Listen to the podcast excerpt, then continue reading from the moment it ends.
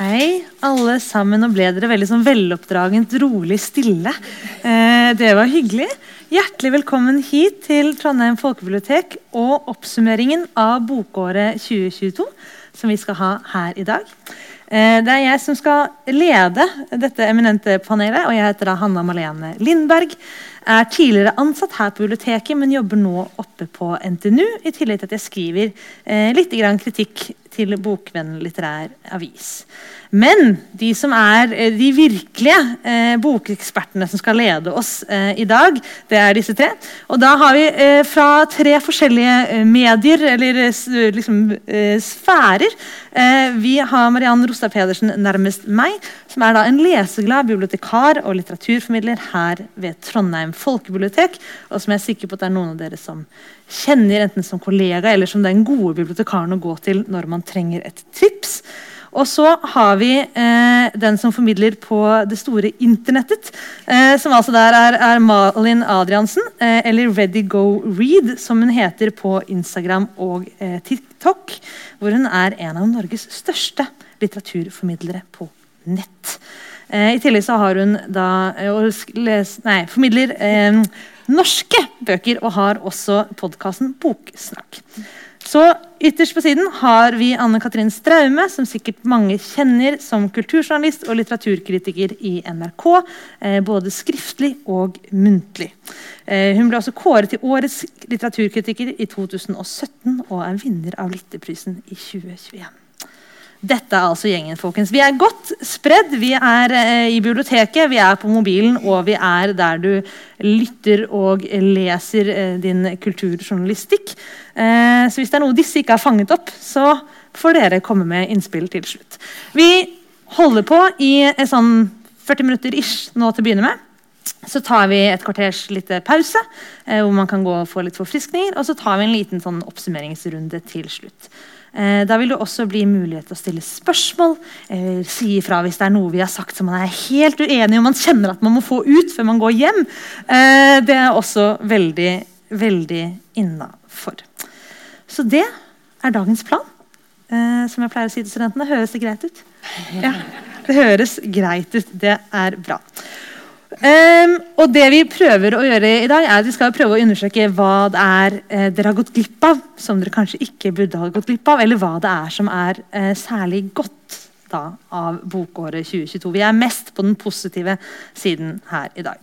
Men før vi begynner med det, nå holdt jeg på å glemme min egen plan, så tenkte jeg at dere tre skal få si litt om hva slags lesere eh, dere er. Sånn at vi bare plasserer dere når vi plasserte dere litt i liksom, institusjon eh, eller medie. Men eh, hva leser dere, eller hva er det som gjør at dere har lyst til å lese, og eh, hvilken type litteratur? Så Mariann, du kan jo få begynne, kanskje. Jo, takk for det. Ja. Har jeg lyd? Er det noen som hører meg? Nei. Nå tror jeg det. Er det bra? Ja, ja, fantastisk. Fantastisk.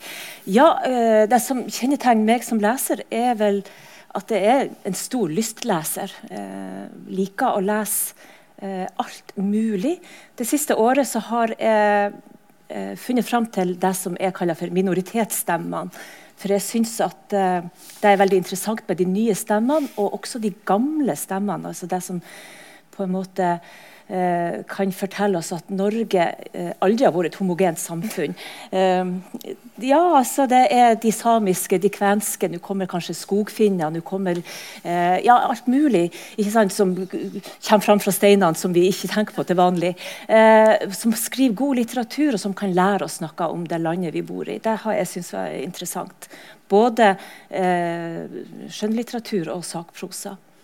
Uh, og også syns jeg det er, det er, alltid interessant å lese om familier. Og jo mer dysfunksjonell, jo bedre er det. Så, uh, og det hadde jo vært mye flott i, i 2022.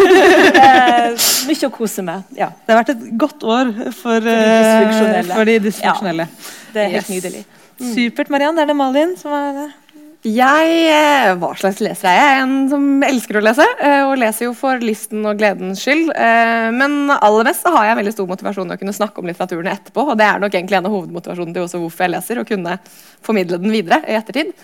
Jeg er jo en sånn som leser godt over 100 bøker i året, og det varierer fra barne- og ungdomslitteraturen til krim og sakprosa og skjønnlitteratur. Og jeg er innom de fleste sjangere i løpet av et år. Men det er jo ungdomslitteraturen som ligger hjertet nærmest.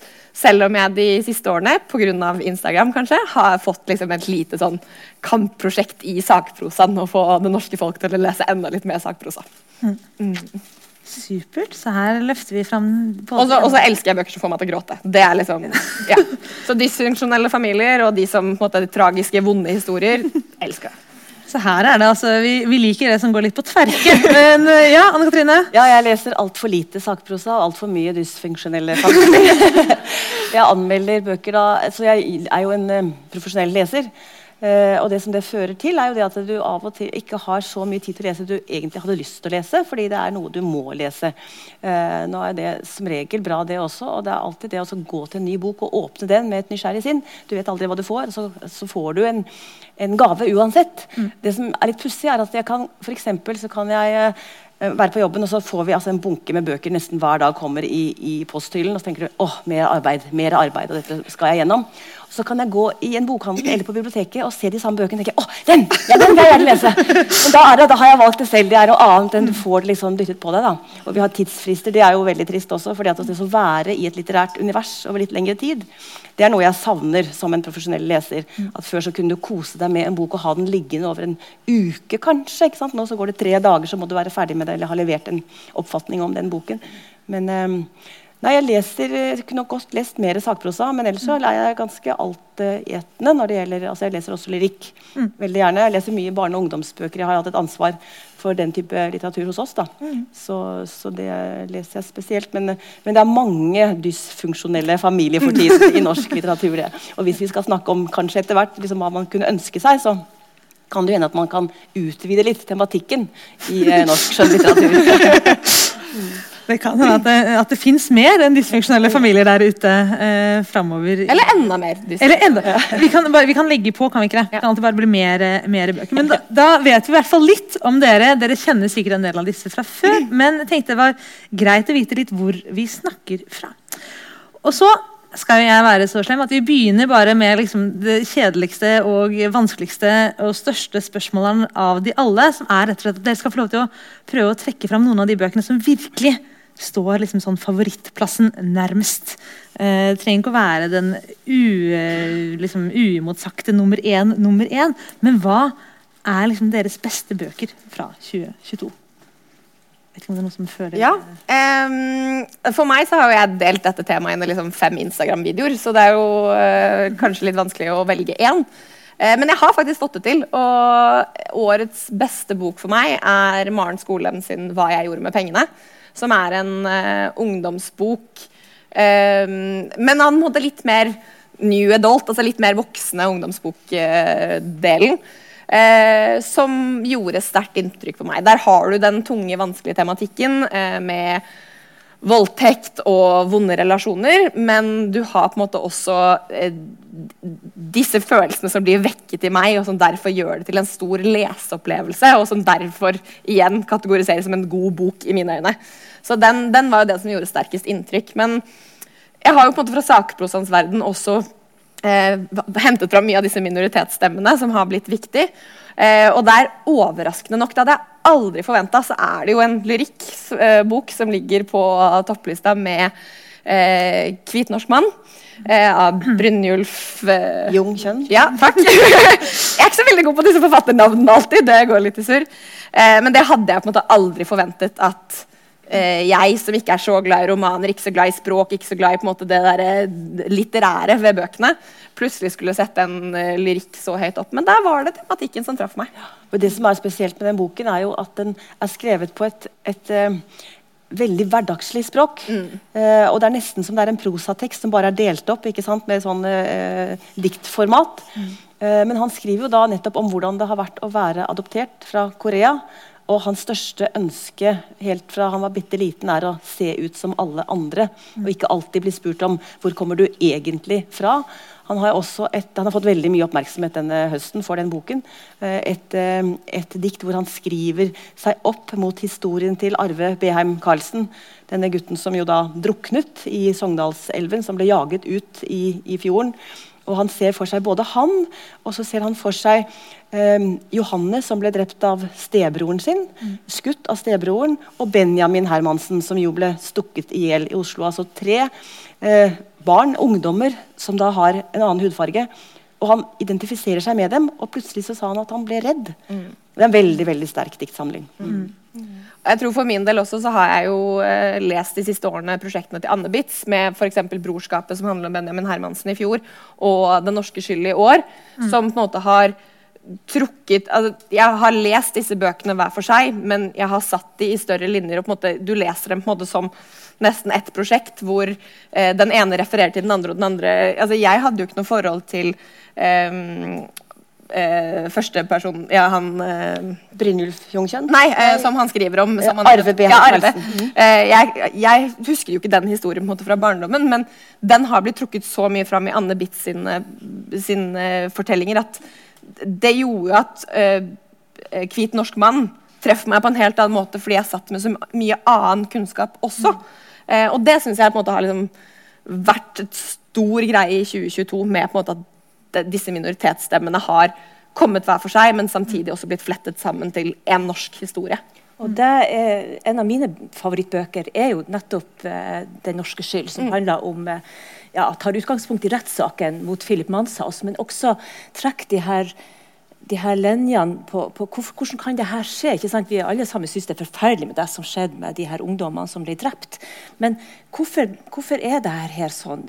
Er det fordi at det er legitimt å snakke om isl islamifisering og snikislamifisering? Er det noe i språket, i debatten, i politikken som gjør at, at det hardner til, og, gjør, og, og, og som gjør at, at sånne tanker får grobunn hos helt normale ungdommer, eh, som, som faktisk gjør at de gjør brutale og forferdelige ting. Og når, når her, den volden kommer til uttrykk så grusomt, så sperrer vi opp øynene. Men alt det her verbale som skjer hele tida, som er i debattene, som, som er i avisene, som, er, som sies ute blant ungdommer og voksne, eh, syns det er veldig veldig interessant det, det å skrive. Eh, og det, både den som er en sakprosatekst, og det dreges jo så fram i de her andre minoritetsstemmer som er kommet fram med. eh, Brynjulf Kjønn, eh, du har, eh, du har De kaller meg ulven, og alle de her nye stemmene som kommer, som sier noe om hvordan det er å være norsk, rett og slett. Men det, jeg tror den Brynjulf Jungkjønn tror jeg var det eneste verket som var på alle tre. Når vi hadde sånne startmail, så var det den eneste verket som klarte å nå liksom toppen av bevisstheten til alle disse tre. Eh, med en gang så sier jo også noe om eh, offenvatet, om lyrikken. Eh, for det er jo, ja, ja, ok, Og så er det også disse sakprosabøkene og disse andre typer romanene. Eh, men sånn, eh, som Katrine sier, så er det noe med den lettheten i det både veldig hverdagslige språket, men også da kortheten.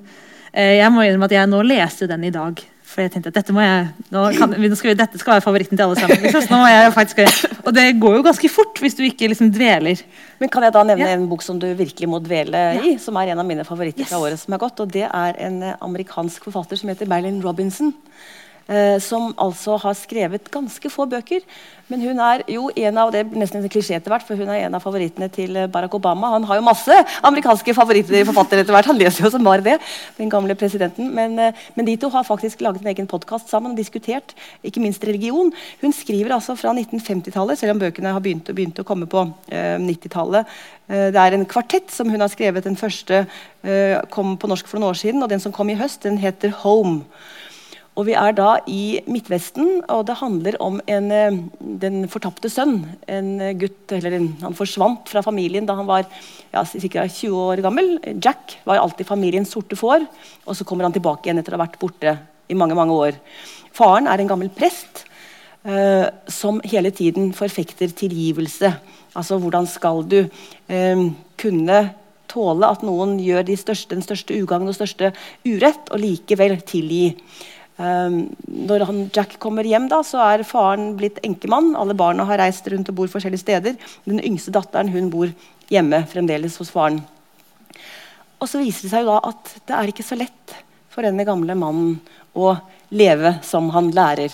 Og dette er en historie som både beskriver eh, tette familieforhold eh, En dysfunksjonell familie blir det jo da. Eh, og den beskriver også samfunnet. Eh, vi var inne på dette med rasisme eller altså, utenforskap. Vi er også på 50-tallet hvor jo eh, borgerrettsbevegelsen er på vei opp. og Det har også en betydning i denne boken, uten at det liksom ligger sånn direkte uttalt.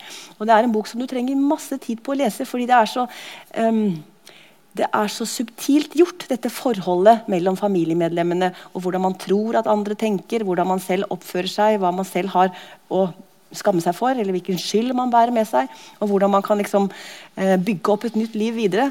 Så det er en bok som jeg absolutt vil anbefale. Og den kommer, den bok nummer tre i denne kvartetten kommer på norsk nå i vår. Ganske snart, om en måneds tid. Mm.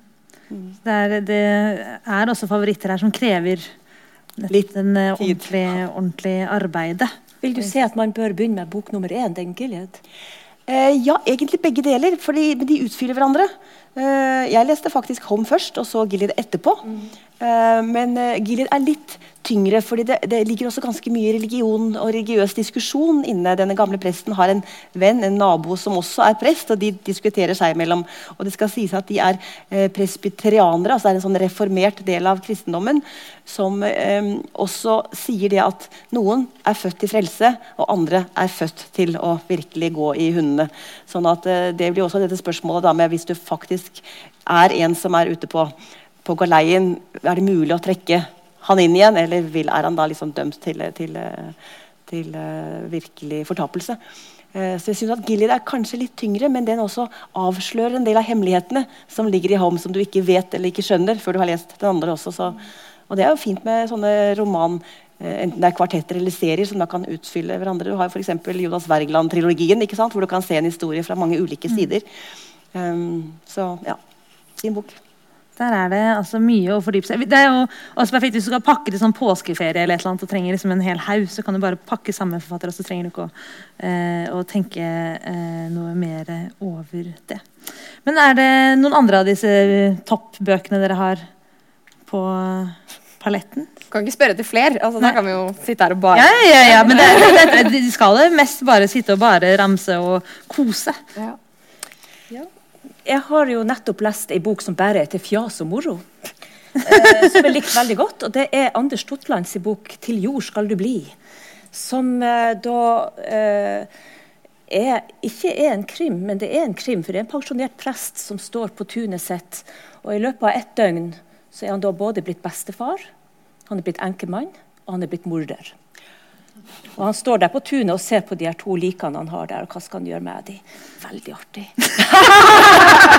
det er sånn bare for fjas og moro. Man skal ikke bare være alvorlig. Mm. Jeg liker overgangen fra sånn eh, Dette er bare for moro, og så er kanskje innholdsbeskrivelsen du gir deg. Kanskje ikke det man tenker mest som eh, fjas og moro eh, likevel. Men for det lurte jo på om det er noen særlige bøker som har eh, som har dette, i tillegg til dette, da, som har gitt dere mye glede eller sorg i uh, dette bokåret?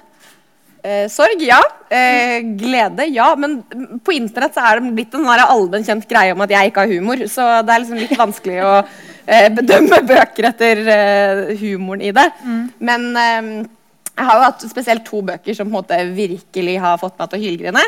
Den ene er jo den jeg nevnte i sted, 'Hva jeg gjorde med pengene', som jeg leste på flyet fra Svalbard til Oslo.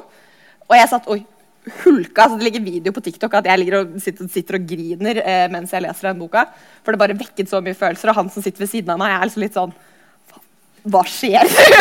uh, men, uh, men, men, hvorfor vekker den så mye følelser? Altså, hva er det uh, jeg, jeg, begynner å skjønne mer og mer at uh, sinne trekker fram på en måte mye av disse gråtefølelsene i meg. Og jeg liker bøker som gjør meg fly forbanna. og det er jo da um, når man settes i vanskelige situasjoner hvor man ikke helt vet hva man skal velge Man, blir, man opplever en enorm urettferdighet eh, ved at noen presser seg på deg, eller at du ikke eh, du har ikke rom og mulighet til å si nei, og du liksom eh, får det, der, det vonde rommet, så kjenner jeg så veldig på det selv også. Jeg trenger å få utløp for det. Eh, og da kommer jo det på en måte i tåreformat. eh, kanskje spesielt når man sitter på et fly, for jeg begynner å rope da. Det kan, gjør seg kanskje ikke så godt. Eh, men jeg har, altså, jeg har skreket i puta i frustrasjon også, når jeg på en måte blir skikkelig forbanna. Eh, og jeg syns det er veldig interessant at det skjønnlitterære kan få meg til å føle på den måten. Men jeg har det med å identifisere meg med historier, og i år så er det jo også en annen nynorsk uh, ungdomsbok som heter 'Splintra' av Hilde, Hilde Myklebust. Eh, som på en måte kanskje er årets største gråteopplevelse. For der ble historien så nærme ting jeg har opplevd selv. Eh, med å miste noen man er glad i i ung alder. Eh, skal, altså I boken så handler det om at hun hun er selvfølgelig forelska litt, sånn litt her og vet ikke helt hvem hun skal være forelska i der. og det er liksom selvfølgelig trekkes mellom forskjellige personer, Men samtidig så opplever hun også at sin eh, bestevenn, eh, som hun har liksom litt sånn uavklart forhold med også, eh, blir syk av kreft. Og eh, hun på en måte trekker seg mye tilbake og vet ikke helt hvordan hun skal håndtere det. Eh, og jeg opplevde jo selv å miste kjæresten min da jeg var 18, så det var liksom sånn Der var det mye følelser som måtte ble plukket opp, og jeg bare jeg leste den jo klokken ett om natta alene hjemme. Altså, hva var det jeg holdt på med? Og da var det sånn Da vet du ikke hvor du skal gjøre av deg. Men heldigvis har jeg Instagram, da, så jeg kunne i hvert fall dele av disse opplevelsene på Instagram og vise folk hvor mye denne litteraturen drev på meg. Hvis du har ha for så følelsesutløpsreaksjonene på bøkene du leser, så er det bare liksom å få opp mobilen og Ja, det er kjempedeilig. Veldig greit. Jeg fikk masse følelser da jeg leste denne eh, Carl Frode Tiller. 'Det framande landet'. Eh, og det er en, eh, faktisk et langt dikt. Eh, og det var jo en overraskelse, fordi han har jo skrevet romaner tidligere. Han har jo skrevet skuespill også, sangtekster har han jo også skrevet, så det er jo ikke sikkert helt unaturlig for han å fatte seg i det kortere formatet heller. Men mye av det han skriver, er jo Selv om det kan være litt svart humor der, så er det mye mørkt. Og er, du snakker om uh, dysfunksjonelle familier, det har man i hvert fall til gangs hos eh, Carl Frode Tiller. Og innsirkling, bipersoner, ikke sant? det sirkler rundt og rundt, og det er mye, mye tungt og mye um, uh, usikkerhet i forhold til andre, hvordan hva andre synes om deg, og hvordan du oppfører deg. Og alt dette her. Uh, og så er dette da et slags digert rop. Eh, av en som er en slags sandsiger, eller en slags eh, bror til Volven fra Vålusbå.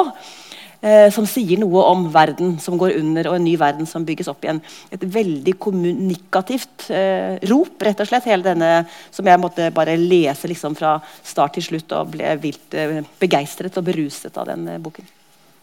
Begeistret og beruset. Det høres jo ikke verst ut. at man Lyrikken eh, vekker de sterke følelsene. Men jeg vet at Marianne er kanskje ikke helt enig? eller? Ja, altså, jeg er jo så positiv til alt jeg leser. Jeg syns jo boka er god, men jeg fikk den her følelsen at her er det en som står på torget og roper ut at her kommer uh, eh, Nå må vi ta oss sammen, eller så kommer Gud og tar oss, omtrent. eh, en sånn type gærning som står der og roper, som vi egentlig bare går forbi og, og, og ikke ser. Eh, men den er jo artig skrevet, kjære vene. Og det jeg synes var gøy med den er jo det at det er ikke en som setter seg på sin høye hest og nettopp eh, dømmer de andre, men det er en som da er en uh, fyllekjører og en litt forsoffen fyr som snakker ut ifra sin, eh, sitt standpunkt. Da. Og det, det syns jeg taler til, eh, til hans forsvar, at han nettopp prøver å være litt på Men han fyllekjører i en bil uten dekk. da. Ja, det gjør han. Alt er mulig i lyrikken. Alt er mulig i lyrikken og undergangspoesien. det er jo en egen eh, Det må jo være en eh, ganske egen sjanger som jeg ikke vet om vi finner så mye annet eh, å sammenligne med, rett og slett. Men er det noe mer følelsesoppverden? Jeg har en til. Ja, du en til. Og det er også dikt, faktisk. En diktsamling som heter 'Hvordan visste du at jeg var her?' Åse Ombudstvedt har skrevet en fin liten diktsamling om eh, Det er egentlig en eh, som også nesten kan leses som en historie, men det er altså dikt som er eh, nesten noen små utsagn fra en gammel dame som da er på en institusjon, som er dement, og fra datteren hennes som kommer på besøk. Så de alternerer de to stemmene gjennom den diktsamlingen. Og det er illustrasjoner av Øyvind Thorsæter, som jo har illustrert veldig mange barnebøker. Noen få sånne spinkle streker. Veldig, veldig fint. Og også du har bilde av noen, et ansikt som nesten sånn forvitrer. Eh, nå har det jo vært veldig mye snakk om demens i det siste, og med NRKs demenskore og det hele, hvordan, hvordan det er å være pårørende. Jeg synes at Denne boken sier eh, veldig fint med små, små ord hvordan, hvor vanskelig det kan være å miste noen som er så nærme deg. Du, mis, altså, du mister dem ikke helt fysisk, for de dør ikke, men de blir borte litt etter litt. Kan jeg lese et par bitte små dikt herfra? Ja? Da må brillene på. Skal vi se hvis jeg finner dem, for hun har den var fin. Også der. Og det er veldig, veldig enkelt, men det, det, treffer også. Jeg har ikke vondt noe sted. Da er du heldig, sier jeg. Hvorfor det? Fordi du ikke har vondt noe sted. Hvem har sagt det? Stemmen din er et åpent sår. Så det er liksom noe med denne tristheten. ikke sant? Og så har du en annen som er litt, eh, litt mer oppløftende. Du slipper de døde inn. Du tilbyr kaffe som om ingenting har hendt. Sånne små, nesten som små aforismer består denne boken av. Det er en veldig fin liten diktsamling som jeg ble glad for å lese, men som også nettopp setter i gang egne følelser. For alle har jo en slags um, erfaring med å være pårørende. Mm. Det er kanskje litt utafor, men hun har jo skrevet to, uh, to diktsamlinger for ungdom før som var helt nydelig, eh, som gjorde veldig inntrykk. Eh, 'Når jeg er gammel nok til å drepe faren min'. Eh, bare, bare, den tittelen sier jo litt eh, Og også den andre som heter 'Ring meg når Ring meg hvis det er, hvis det er noe'. Ja, hvis det er, ja. ja. Ring meg hvis det er noe. Eh, den, den første handler jo om en far som er voldelig, og den andre om en mor som ikke funker. Eh, helt fantastisk. Man kan lese dem som en historie, men det er også de her enkeltdiktene og de her veldig veldig gripende. Og jeg var veldig spent når den der kom, for, for hun skulle, skulle, gi ut noe for voksne, det er jo noe annet. Men hun er tydelig en, en, et menneske som ser uh, mennesker, som kanskje ser de man vanligvis prøver å unngå å se. Hun har et blikk for, for det såre. Mm. Det er veldig fint. Ja, og det er morsomt at eh, Til at lyrikken har et litt dårlig rykte, man kan man jo si sånn generelt i befolkningen, så er det jo nå mye, eh, mye lyrikk allerede som har vært en del av eh, bøker som har berørt dere eh, både følelsesmessig og på en måte intellektuelt.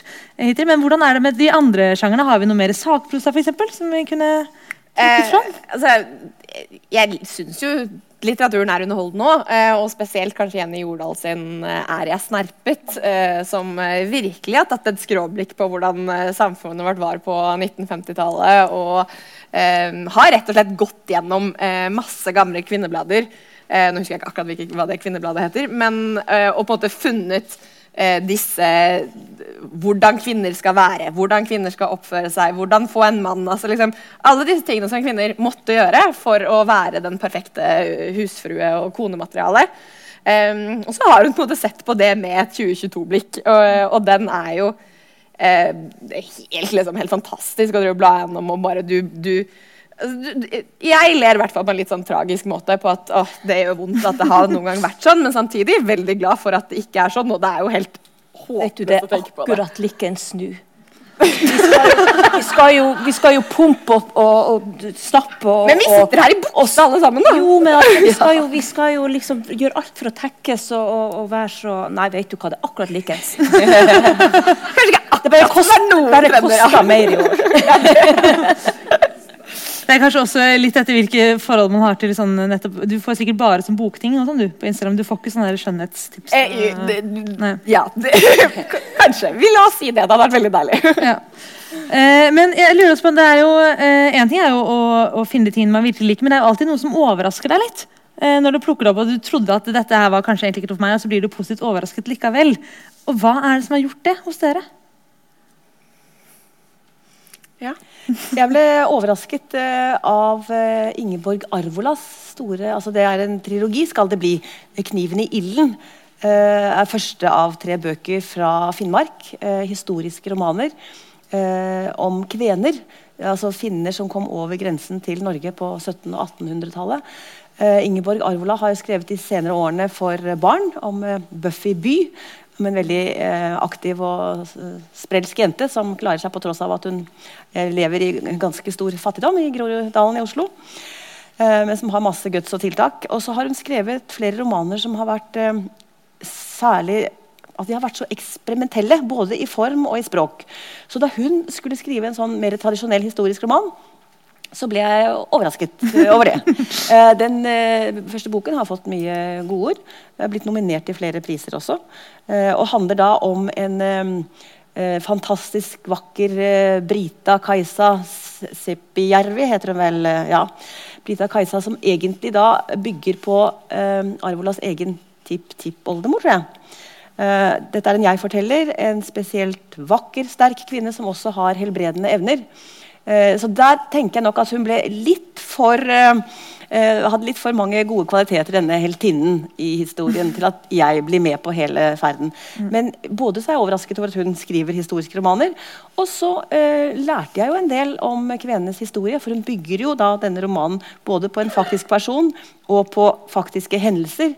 Eh, som, så, så man kan lære en del historie, men eh, litt for svulstig for min smak, vil jeg si. Jeg er egentlig helt enig. Altså, Arvola har lagt inn sånn faktabokser inn i teksten, sånn at man lærer jo underveis og får de her historiske linjene. Men selve historien eh, Ja, den er underholdende der og da. Det er en røverroman om ei saftig dame som tar for seg. sant? Og hun er jo så pen at alle mannfolkene ligger flat. Og når jeg forteller, skal fortelle dette, så hvor vakker du er og Ja. og, og det, er jo ikke, det er jo ikke noen eh, over fire år av de handlige kjønn som ikke, som ikke blir betatt av henne. Eh, så, så, men det- nå har jo Arvola fått det her kommersielle gjennombruddet sitt. Eh, eh, fin, grei røverroman, men ikke noe mer i det, tenker jeg. Ja. Mm. Den største overraskelsen er jo at lyrikk havna på topplista. Det er jo uten tvil eh, en overraskelse. Men eh, denne leksjoner i kjemi, som kom ganske sent, som er oversatt bok, da, eh, kom eh, eh, ja, på tampen av bokhøsten. Eh, den hadde jo liksom blitt snakket veldig mye om på sosiale medier, i hvert fall. Og det var på en måte, det var mye hype rundt den. Og eh, jeg ble skikkelig overrasket over hvor godt jeg likte den boka der. Og det er kanskje noe med at jeg er generelt blitt litt overrasket over hvor godt jeg liker en del sånne hyper fra, eh, fra internett og booktalk og sånne type ting. Eh, jeg liker å være den som setter trendene, men jeg blir jo faktisk litt påvirka av trender selv også. Men kan ikke du si bitte lite grann om, om BookTok? Fordi at jeg, jeg har vært bare så vidt innom, og så ser du i utgangspunktet mange videoer med eh, typiske underholdningsbøker. Men så, opp, så dukker det opp altså, klassikere, Dostojevskij, den ene eller det andre, som får anbefalinger av eh, relativt unge mennesker. Altså, Booktalk eh, og Bookstagram, altså bok på Instagram, er jo eh, det samme som med alle andre lesere. Det er variert. Eh, vi er veldig mye forskjellige. Men man merker nok kanskje at det er et litt mer trendpreget miljø. At det er jo både visse bøker som blir snakket ekstra mye om. Men samtidig så ser man jo også at gamle klassikere får den derre Noen klarer å løfte den opp, og så blir det også en greie som man på en måte skal følge for å en måte være en del av miljøet. Og jeg vet ikke, det er, eh, det er interessant å se hvordan det utvikler seg, og hvordan det påvirker spesielt unge lesere. Eh, om, kan, måte, om det er positivt for den norske litteraturen, det kan vi jo kanskje diskutere en annen gang. Men det er i hvert fall uansett gøy å se hvordan eh, litteraturen og forfattere blir kule på den måten de blir på, på internett. da.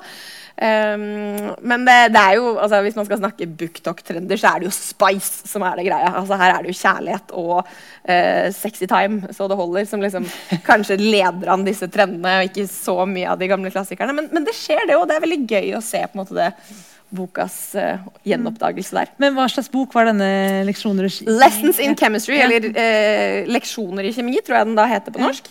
Uh, og der har du jeg begynner å innse, altså, sånn feministisk, sak, nei, feministisk skjønnlitteratur eh, liker jeg veldig godt. Og i denne boken så er det da en litt sånn spesiell dame. Ganske plain, egentlig. liksom Ikke noe nonsens. Hun liker kjemi, og hun har lyst til å jobbe med kjemi, men i et eh, For dette er vel satt på 60-tallet, hvis jeg husker riktig så får ikke hun eh, lov til å Eller hun er jo selvfølgelig satt av patriarkatet til å ikke få lov til å komme seg så mye opp og i den kjemiens verden, og hun har på en måte sin plass der. Så hun på mange forskjellige måter ender opp med å ha et eh, kokeshow på TV. Der hun skal lære det norske Nei, ikke norske folk, det amerikanske folk eh, å lage mat. Og det gjør hun akkurat som om hun måte, tilbereder en kjemisk formel. Altså, det er snakk om måte, presisjon og detaljer og alt mulig. Men det er bare noe med den skrivestilen og måte den tematikken der som bare det er litt sånn deilig underholdning som likevel har litt sånn tyngde, da.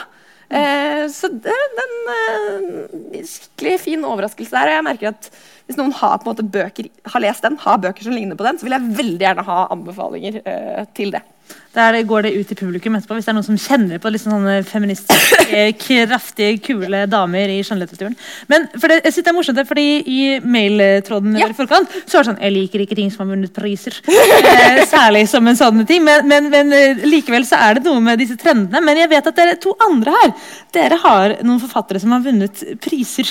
eh, som dere gjerne vil snakke litt om, hvis jeg ikke tar feil. Ja. Ja. Ja, snakker vi fransk, for eksempel? Vi snakker så- fransk, for eksempel. var det jo en dame som fikk eh. Nobelprisen Ja. i høst, ja, som eh, jo på en måte var litt overraskende. fordi at er det noen land som har fått eh, og tatt for seg en av nobelpriser, så er det jo Frankrike. Men det er bare menn. Altså, det er jo flere franske forfattere som har fått uh, nobelprisen enn f.eks. både Afrika, og Asia og Australia til sammen. Sånn at uh, Frankrike er liksom det ledende landet. Men første gang en kvinne, da, Annie Ernaux, eh, som jo har hatt et voldsomt oppsving i Norge de siste årene. Hun har jo ble jo oversatt allerede tidlig på 80-tallet til norsk, men har liksom gått litt under radaren før de senere årene, nå siste tre-fire årene kanskje. Hun skriver jo tynne, små selvbiografiske romaner. eh, og er jo en feminist på sin hals. Hun skriver også om eh, klassereise. Kommer fra en familie, veldig veldig fattig familie hvor ikke foreldrene har noen skolegang. Hun er den første som kommer ut og får litt videre utdannelse. Og skriver om hvordan eh, man på en måte blir fjernet fra sitt eget miljø. Plutselig så kan du ikke snakke med dine egne foreldre fordi du har fått et annet språk. og de, eh, de vil det beste for datteren sin, men samtidig når de dytter henne vekk, så pusher de henne fra seg, og så kan de ikke møtes igjen. Veldig fine små, små bøker. Og så var det den som heter 'Årene', som kanskje gjorde at hun fikk mye oppmerksomhet også i England og USA. Den ble nominert til Booker-prisen og oversatt etter mange språk, hvor hun da beskriver sin egen tid fra hun er født da i 1940, vel. Eh, så hun er jo da eh, har passert 80, men hun, hun eh, skriver helt fra krigens dager og frem med referanser, spesielt franske referanser, da, med hvordan livet har påvirket oss. Og jeg tenker at Selv om du ikke har de franske referansene, så setter dette minnearbeidet hennes i gang et minnearbeid i de som leser. Så jeg underveis så begynte jeg å tenke etter, ja, men ok, ja, det var den type musikk, ja, den reklamen var det jeg så. Og, og Så det utvidet min egen på en måte skaperkraft da når jeg leste den, eh, den romanen. Um, men du også har lest der nå? Nei, men du har lest en, en som er godt inspirert av deg nå, i hvert fall. Som er en ung herremann, hvis vi går tilbake. Vi liker best å gå tilbake til de mannlige franske, det er tryggere å, å bevege seg der. Elsker det. Ja, og da er det jo Edouard Louis, særlig, som jeg vet at Ja, som starta sitt liv som Eddie Belgull. Mm. Ja. Uh, og der er uh, mye som kan sies. Klassereise kom ifra, fra litt fattigslige kår. Men han kom ifra eh, fattigslige kår for ikke så veldig lenge siden. Vi tenker at eh, her kan det være sant, det han skriver. Og den boka som kom i år, som heter 'Forandre seg i metode', starta jo med som et knyttneveslag i magen med at han faktisk prostituerer seg for å ha råd til tannlegeregningene sine. For man kan jo ikke ha dårlige tenner når man er på klassereise. Eh, kommer fra fan- forferdelige forhold i Nord-Frankrike med mm, eh, rasisme, eh, eh, kjønnsdiskriminering, homofobi. Og, og eh, vår helt her skriver sitt liv så tett inntil at eh, eh, man kan nesten ikke kalle det for skjønnlitteratur heller. Det, det, biografisk litteratur. Og det er noe spennende, for det snakker veldig sammen. Det er eh, veldig tydelig at det er en, også en slags rød tråd i mye av dette her dere liker, som er jo dette med spørsmål om samfunnet og klassene, og både med eh, Brynjulf Jung og nå det med Edouard Louis. Eh, men også dette her med nettopp Tett på eget liv, som Erne nå driver med, men også som Edouard Louis. Han har jo gitt ut eh, det er vel i hvert fall fem bøker, hvor den første er 'Farvel til Edibel Gull', og så er det Eh, oh, så er det denne den voldens historie. Eh, drepte faren min? drepte min far? Og så er det min mors historie. Og så er det denne, om kunst og politikk, og så er det denne forandre seg-metode. Og alt sammen går helt inn og sirkulerer tilbake til denne oppveksten som han har hatt, eh, og den veien han har gjort ut i samfunnet. Ja, så man kan jo lure på Er det nå en fetter han skal skrive om neste gang? Eller en tante? eller han, han skal faktisk skrive om broren sin. Ja, Jeg hørte han på Litteraturhuset. Han var i Oslo nå. Det var en egen festival rett og slett som han hadde laget eh, rundt han og hans eh, litteratur. Eh, hvor han eh, holdt et foredrag om den boken han holder på å skrive nå, da, om en bror som er død, eh, og som han ikke hadde noe godt forhold til. For han var ikke noe spesielt hyggelig, men han ser at det er samfunnets um, urettferdighet, altså klassetilhørigheten, som har gjort at broren da døde av for mye alkohol og dårlig helse. Og Det syns jeg er litt interessant i denne forandre seg-metode, som jo er hans måte, metode for å forandre seg sjøl. Og også underveis så blir det også en oppvåkning for han, ser jeg, en politisk oppvåkning, eh, der han eh, han blir jo kjent med forskjellige menn og, og, og vil introdusere seg sjøl for, for, for middelklassen og for, øvre, for, for mer oppe i, i samfunnet. Og så blir han kjent med en mann som har en sofa som er laga av isbjørnskinn. Og så i neste nu så får han for en gangs skyld å besøke faren sin og ser hvor elendig han har det. Sitter i det forferdelige, gjennomvåte huset sitt som er innrøkt, lukter kokt kål, og TV-en står på i bakgrunnen. Og faren sitter med den ødelagte kroppen sin, og han begynner å tenke på hva, hva det er som gjør at noen har det sånn. Hvorfor har noen det sånn, og andre ikke, eh, og har ikke mulighet til å komme seg ut av det her?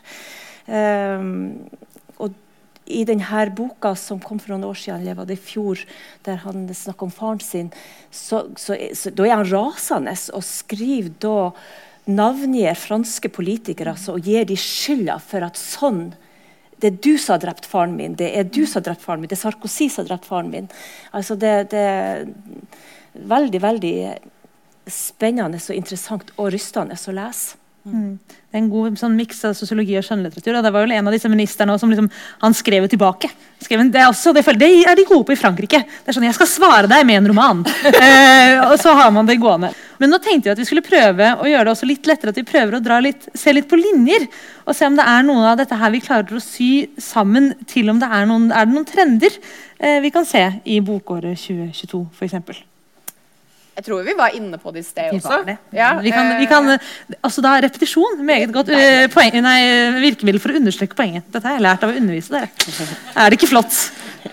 Det er jo dette med mangfoldsstemmer og det å måtte få ikke hvite, kjedelige stemmer eh, som forteller oss om den virkeligheten som jeg kjenner til fra før av, men som kanskje forteller oss litt om hvordan eh, Norge kan oppleves. Eh, og hvordan Norge er. Eh, og, og man ser jo at den tråden har blitt trukket over, for, over forskjellige sjangre og forskjellig type litteratur. Eh, og det er jo veldig spennende, for det er jo noe man kanskje har sett mye av på BookTok og Instagram også. At dette er noe som snakkes ekstremt mye om med own voices, og på en måte at man skal høre eh, historier fortalt fra de som står bak historiene. Um, og, og at man rett og slett skal lese, liksom, være litt diverse, lese litt uh, mangfoldig litteratur. Det, det ser vi jo på en måte nå at også kommer til Norge og den norske litteraturen. Og jeg elsker den trenden. Jeg synes det er helt fantastisk. Jeg tror, eller jeg har liksom en formening om at det er uh, etter den store metoo-bølgen så eh, ble det også et større fokus på eh, alle som har lidd overlast. Alle grupper, ikke bare kvinner som har blitt eh, jo tynt i alle de år, men, men at man ser på minoriteter, altså mindre grupper. Og det har blitt en større raushet, det er én ting, og at det blir større krav i samfunnet generelt om at vi, har, vi er forskjellige individer, og alle har like stor rett til et liv. Eh, og til å høres og synes og til å få ha en stemme. Eh, så det tror jeg det er en større oppmerksomhet rett og slett i, i samfunnet sånn generelt. Og jeg er jo litt opptatt av at vi aldri har vært et homogent samfunn. Det har bare sett sånn ut på utsida fordi vi har vært hvite. Men det finnes hvite mennesker som ikke er nordmenn i dette landet, og nå kommer deres stemmer fram. Er, eh, vi har jo snakket om lyrikk, og jeg har jo da også lest denne eh, av Marianne Seppola Simonsen som heter 'Hjerteskog', som er ei diktsamling av, eh, av en kvensk eh, jente. Og, og sånne ting så man ikke mye av før. Uh, Syns jeg er veldig, veldig interessant. Og også uh, vil jeg dra fram ei bok som heter 'Jeg er ikke polakken din', uh, av Eva Sapiensynska kanskje. Noe sånt. Eh, ber om unnskyldning for uttalen. Eh, men hun skriver jo også at kan jeg egentlig skrive ei ei bok om rasisme mot polakker når jeg er hvit, skriver hun. Mm. Og etter å ha lest den boka, så vil jeg si at ja, det kan du. For, og man må gå inn i seg sjøl når man leser, og tenke hva slags holdninger er det man har, og hvorfor har man de. Eh, og, og det her tror jeg vi kommer til å se mer av. Mm. Jeg må innrømme at jeg også ser jo over eh, din skulder nå at du har ganske mange flere navn på den listen. Kan du ikke bare komme litt flere? For nå snakket vi det generelle, og vi har nevnt eh, Cæsar Shakar, vi har nevnt Brunhild Fjongkjønn. Kjønn. Eh, jeg ser at du har jo en hel haug med flotte utgivelser fra 2022 i denne, i denne kategorien. Uh, ei som har gitt ut bok, som også nå er filmaktuell, det er Ella Marie Hetta Isaksen. Uh, som er nå aktuell med den boka, eller filmen 'La elva leve'. Men hun har gitt ut bok som heter 'Derfor må du vite at jeg er same'. Og hun er jo et ungt menneske, hva er det, 25 år, og skriver om sitt liv som aktivist. Jeg tror hun er født uh, ut av sin mor som aktivist. Uh, for å ha rukket så mye på de korte, korte få årene. Uh, men jeg synes det som er interessant, mest interessant når hun skriver, det er eh, forholdet mellom det samiske og det norske, og hvorfor det ble sånn som det ble. Eh, F.eks. at vi har den store naboen i øst, Russland, som gjorde at det var viktig for den norske staten å ha ei stasjonær, ei bofast befolkning som definerte seg sjøl som norsk. Og det er en del av bakgrunnen for fornorskningspolitikken. Um, og det, Lærte vi sånt på skolen? Nei. Nei. Ikke i det hele tatt. Så eh, det, det, er mye, mye, å lære av, eh, av skjønnlitteraturen. Og det her er en sakprosabok, men det er mye å lære av skjønnlitteraturen også. Man bare åpner seg opp for, for mer uh, informasjon, rett og slett. Men jeg har også lyst til å si at uh, jeg les, altså For tre år siden så leste jeg ikke sakprosa. Uh, det, fortsatt, det var noe som var stort, skummelt, tungt, vanskelig. Det er ikke på en måte noe jeg gidder å lese når jeg skal kose meg med litteraturen. Um, men så har jeg jo på en måte oppdaget den fantastiske sakprosaen. Og jeg føler jo også at vi kan se en trend i at sakprosaen forandrer seg. Og hvordan den har blitt mer lettere, leselig. Uh, jeg tror på altså, det her er jo bare meg som står på utover. Det kan hende det bare jeg som blir voksen og på en måte ser sakprosaen på en annen måte. Men jeg føler at det har forandret seg på, en måte på hva slags historier som blir fortalt mm. fra sakprosaen verden. Og det tenker jeg i hvert fall vi får nå med eh, disse personlige stemmene som forteller oss hvordan de har opplevd ting. Eh, Norsk nok-antologien, f.eks., hvor vi får, får, mange små stemmer som forteller om hva det er å være norsk, og hvordan det oppleves. Eh, til f.eks. Eh, Hjertet i to, som er på en måte en, eh, der vi følger Karpe og deres eh, Ikke egentlig reise heller, for det er jo bare de siste tidene vi følger. Men på en måte deres arbeid med musikken og det å stå på tvers mellom å bli elsket av eh, hvite gutter fra Asker Jeg er fra Asker, jeg har lov til å si det. Eh, vi, eh, og på en måte første- og andregangsgenerasjons eh, innvandrere som elsker Karpe. og på en måte hvordan de står i skvis mellom å bli på en måte være utenfor og være den nye norske kulturskatten. Mm -hmm. uh, og det er liksom interessant å se at sakprosaen har rom for de historiene. Da. Men det er jo ganske spennende også, for det har jo vært en diskusjon de siste ja, fem-ti årene kanskje nesten, om eh, at romanen blir mer og mer altså både fiksjon, men også eh, virkelighet. Da, mm. Virkelighetslitteraturen jo blitt, eh, er sterkt til stede i, i skjønnlitteraturen. Og så har du da eh, sakprosaen, som nærmer seg eh, det litterære med skjønnlitterære virkemidler. Så på et eller annet tidspunkt så er det kanskje sånn slutt på at du sier roman, roman, eller dette er fiksjon, fordi det er blandings, det er hybridsjangre. Mm. Vi oppdager, og det er mange av de beste um, sakprosabøkene har jo tatt nettopp de uh, litterære virkemidlene opp i seg. Mm. Og veldig mange romaner nå som får anerkjennelse og snakkes om, og veldig mange av de som skrives i Norge i dag, mm. de bygger jo på egne erfaringer og egne liv, selv om det ikke uttales alltid like, like um, direkte da, som f.eks. Knausgård gjør med sine bøker. Mm. Egentlig, en, eh, egentlig, så er jo denne, denne dere nå påpeker, eller dette dere har snakket om, det oppsummerer egentlig veldig godt alt dere har sagt hittil.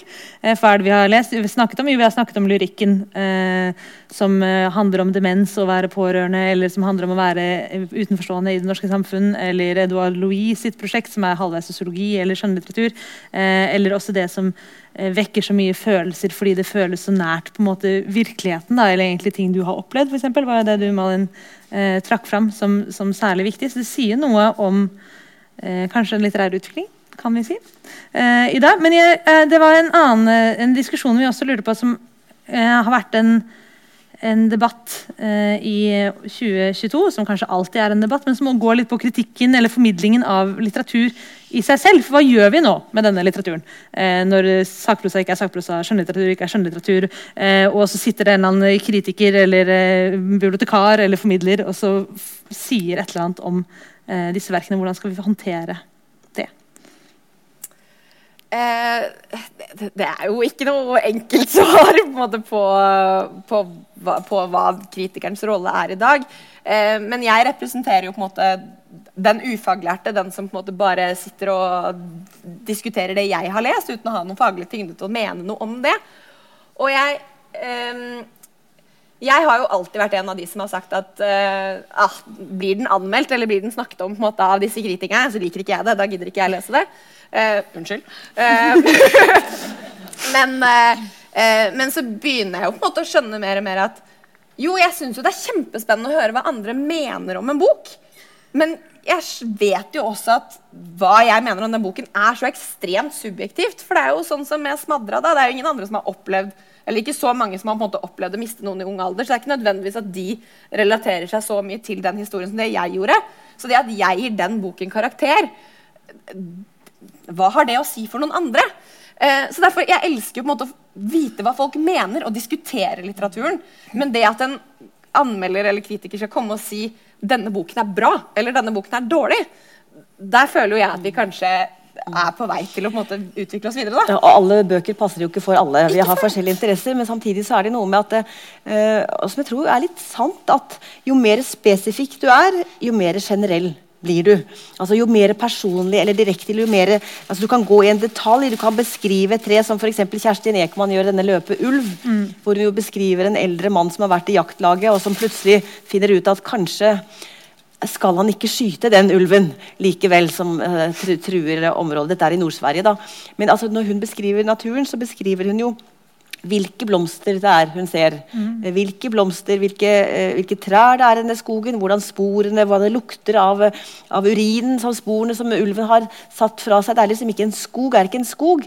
Den består altså av mange individuelle, forskjellige vekster og arter. Mm. Og jo mer presis du blir, jo mer gjenkjennelig kan du bli for et større publikum også. Da. Så, så den gode litteraturen tenker jeg, det er jo nettopp den som kan nå bredt ut, fordi den går i Den, den uh, har en uh, evne til å registrere og til å se og beskrive det den ser. så Det da blir ikke, det blir ikke nødvendigvis terapi, men det blir eh, som går fra én til én som har opplevd akkurat det samme. Og det er fint, det også, men det er det blir noe utover det. Det er noe større enn det. det blir, referanserommet blir større i den som leser også. Mm. Det er noe du snakket med, med den medskapingen til her nå. for Det er også noe jeg leser jo da, det var min første Kjersti Ekman-bok, denne 'Løpet av Varg'.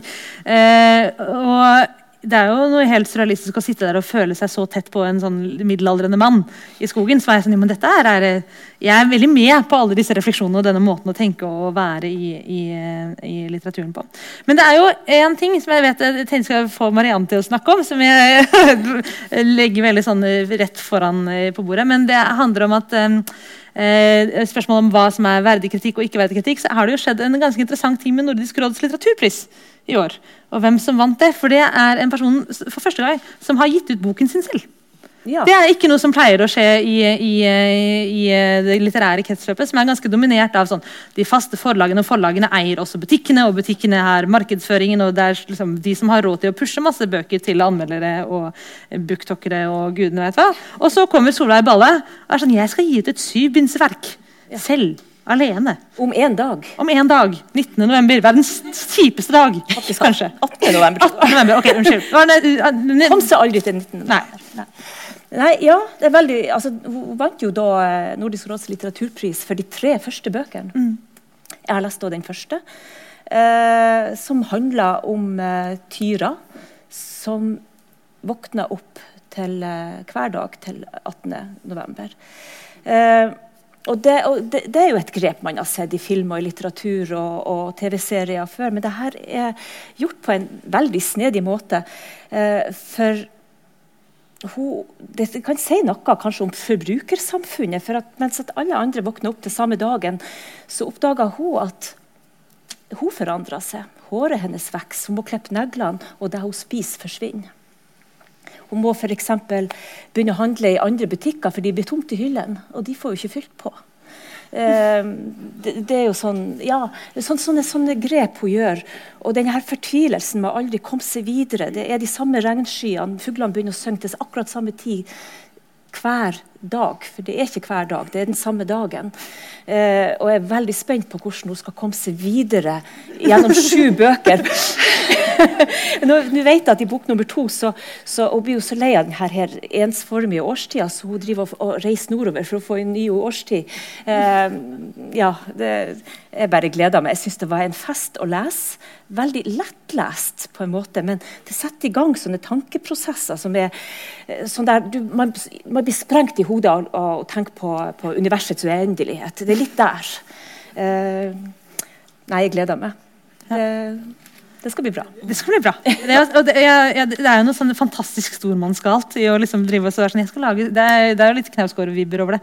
Så mange bind skal jeg skrive, og ikke bare om meg selv, men bare om en dag. Som jeg skal holde på. Og hun, hun er jo dansk, og det er jo en debatt vi ikke skal ta her og nå, men, men det å lese danske og svenske bøker på originalspråket Jeg vil slå et lite slag for det. Eksempel lese Kjersti Ekman i original, eller da Solveig Balle. Så, så det kan man jo også gjøre før de oversettes til norsk. Der får du også, ja, der er det flere tilgjengelig. Trenger du ikke å vente på, på oversettelsen. Jeg tror det er fem måneders uh, ventetid på den danske utgaven her på biblioteket.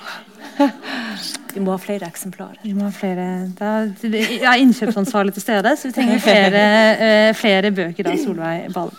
Eh, men vi skal begynne å, å nærme oss en sånn slags avslutning, eh, tror jeg. For å ikke, ikke holde dere for lenge. Men jeg lurer på om det er, er det noen som har noen spørsmål, tanker, innspill? Eh, noe sånn Men hvorfor har dere ikke snakket om, eller kan dere ikke utbrodere på, eller eh, et eller annet dere lurer på, så er det mulig. Vi har en kulturvert som eh, går rundt med en mikrofon som man må få snakke inn i, så alle andre hører spørsmålet. Men er det noen som har noe dere lurer på? Ja, der. Ja, der. Jo, her er en Unnskyld, jeg så ikke hånden. Der kommer det mikrofonen gående til, eh, til deg. Ja, til den hånden. det er Til hele mennesket, antagelig. Jeg heter, jeg heter Nina Heilemann. Du, eh, ja, det var noe jeg, jeg eh, kanskje trodde dere hadde kommet til å snakke om. Det er jo litt sånn litteratur per i dag som er aktuell i forhold til den situasjonen vi er med Ukraina og Russland. Eh, også med USA. Først så tenkte jeg på Thomas Seltzer, selvfølgelig. Men jeg har også i år lest en god del bøker. Mer eller mindre sånn fagprosa, fagromaner, fagroman, eller hva vi skal kalle det. Så, fordi jeg har vært interessert i å lære, skjønne kanskje litt mer av Øst-Europa. Og det har vært mye å velge i der. Eh, Jeg har ikke hørt dere nevnt den siden politiske bøker, for så vidt. Nei, så det var min kommentar. Ja, Er det noen som har lest noe for å opplyses? Eh, nei, og det, jeg kan, altså, Min kollega Marta Norheim laget et program om uh, ukrainsk litteratur. Uh, Sadan er det en eh, forfatter som heter, som er fra Ukraina. Som har kommet med noen, altså det er noen tidligere bøker. for det det er jo få skjønnlitterære bøker som er skrevet etter krigens utbrudd, men det er ganske mye sakprosa som kommer også nå utover våren, ser jeg. Eh, biografier om Zelenskyj f.eks. Eh, Putin-biografi kom det jo også. Det var vel han Åge Storm Borchgrevink som eh, skrev. Eh, jeg leser så mye skjønnlitteratur, så jeg, det, er, det er mitt eh, store hull. altså Lese sakprosabøker. Um, men, eh, men det kommer mange nå. Eh, og jeg har hatt stort utbytte av å lese f.eks. Uh, Andrej Kurkov, som er en annen eh, ukrainsk forfatter. eh, med romaner. Han har en sånn svart, surrealistisk humor eh, som også sier noen ting om det å være under en sånn stormakt som, som Russland er. da. Eh, så det, det er mye altså man, kan, man kan finne mye i skjønnlitteraturen også om den situasjonen som, som er akkurat nå. Men eh, jeg vet vi har en liste tror jeg, på våre nettsider om litteratur som er aktuell akkurat nå. Den politiske situasjonen i Ukraina. Men, eh, men jeg kan dessverre ikke bidra med noe mer der. Nei, Hvis jeg skal kunne tippe, så vil jeg tro at til neste år så vil panelet ha mye mer å bite i når det gjelder akkurat den tematikken. Eh, så det kommer. Eh, Litteraturen henger jo gjerne på en måte et år bakpå når det kommer til sånne aktuelle ting, selv om det er jo masse som kan leses. Men der ser jeg jo selv at for min egen del så har jeg jo sett mye mer eh, dokumentarer og hørt podkaster om på en måte mer den tema tematikken enn jeg har gjort med litteraturen. Så det er jo noe med eh, Ja, at jeg, at jeg har på en måte ikke funnet de bøkene jeg har hatt lyst til å lese om temaet ennå. Kanskje jeg finner mer neste år. Eh, men det er liksom, ja, det er forskjellige konflikter eh, og forskjellige tematikker oppleves på forskjellige plater. Så det er liksom, podkast har vært min greie når det kommer til, kommer til det. da. Litt av alt! Det er bra. Litt av alt. Jeg er også en eh, dårlig, dårlig påfyll der, altså. Så det må jeg jobbe litt med. Men jeg, for jeg tenker jo egentlig litt motsatt. at Jeg tror ikke jeg vil egentlig vente på det aktuelle. Jeg tror jeg må prøve å begynne å bare grave meg bakover. Eh, For der er det jo helt garantert masse å gå i som jeg virkelig ikke kan. For det er jo noe med denne allmenne litteraturvitenskapen som jeg har studert, som er veldig vesteuropeisk i natur. Eh, og kanskje ikke alltid like flink til å dra bortover. Så er det også med litt språkbeherskelsen min som gjør at jeg lettere orienterer meg mot franske eller engelske eh, enn østover. Da. Men så det kan jo sikkert biblioteket og bibliotekarene være flinke til å gå og grave litt i arkivene til våre og, og finne gode, eh, gode forfattere som allerede fins, for å forstå hvert fall hva som har skjedd, om vi ikke skal forstå akkurat det som skjer akkurat nå. Ja, der var det en eh, mikrofon, et mikrofonønske. Ja, jeg heter Mette.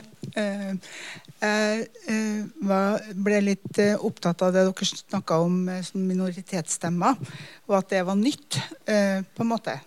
Og det kan tenkes at det kommer mye mer nå, men jeg, var litt jeg tenkte at jeg kanskje kunne Jeg har nettopp lest en historie om skogfinner.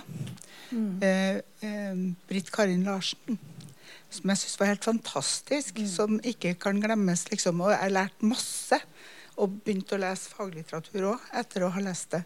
Også Åsta Holt også.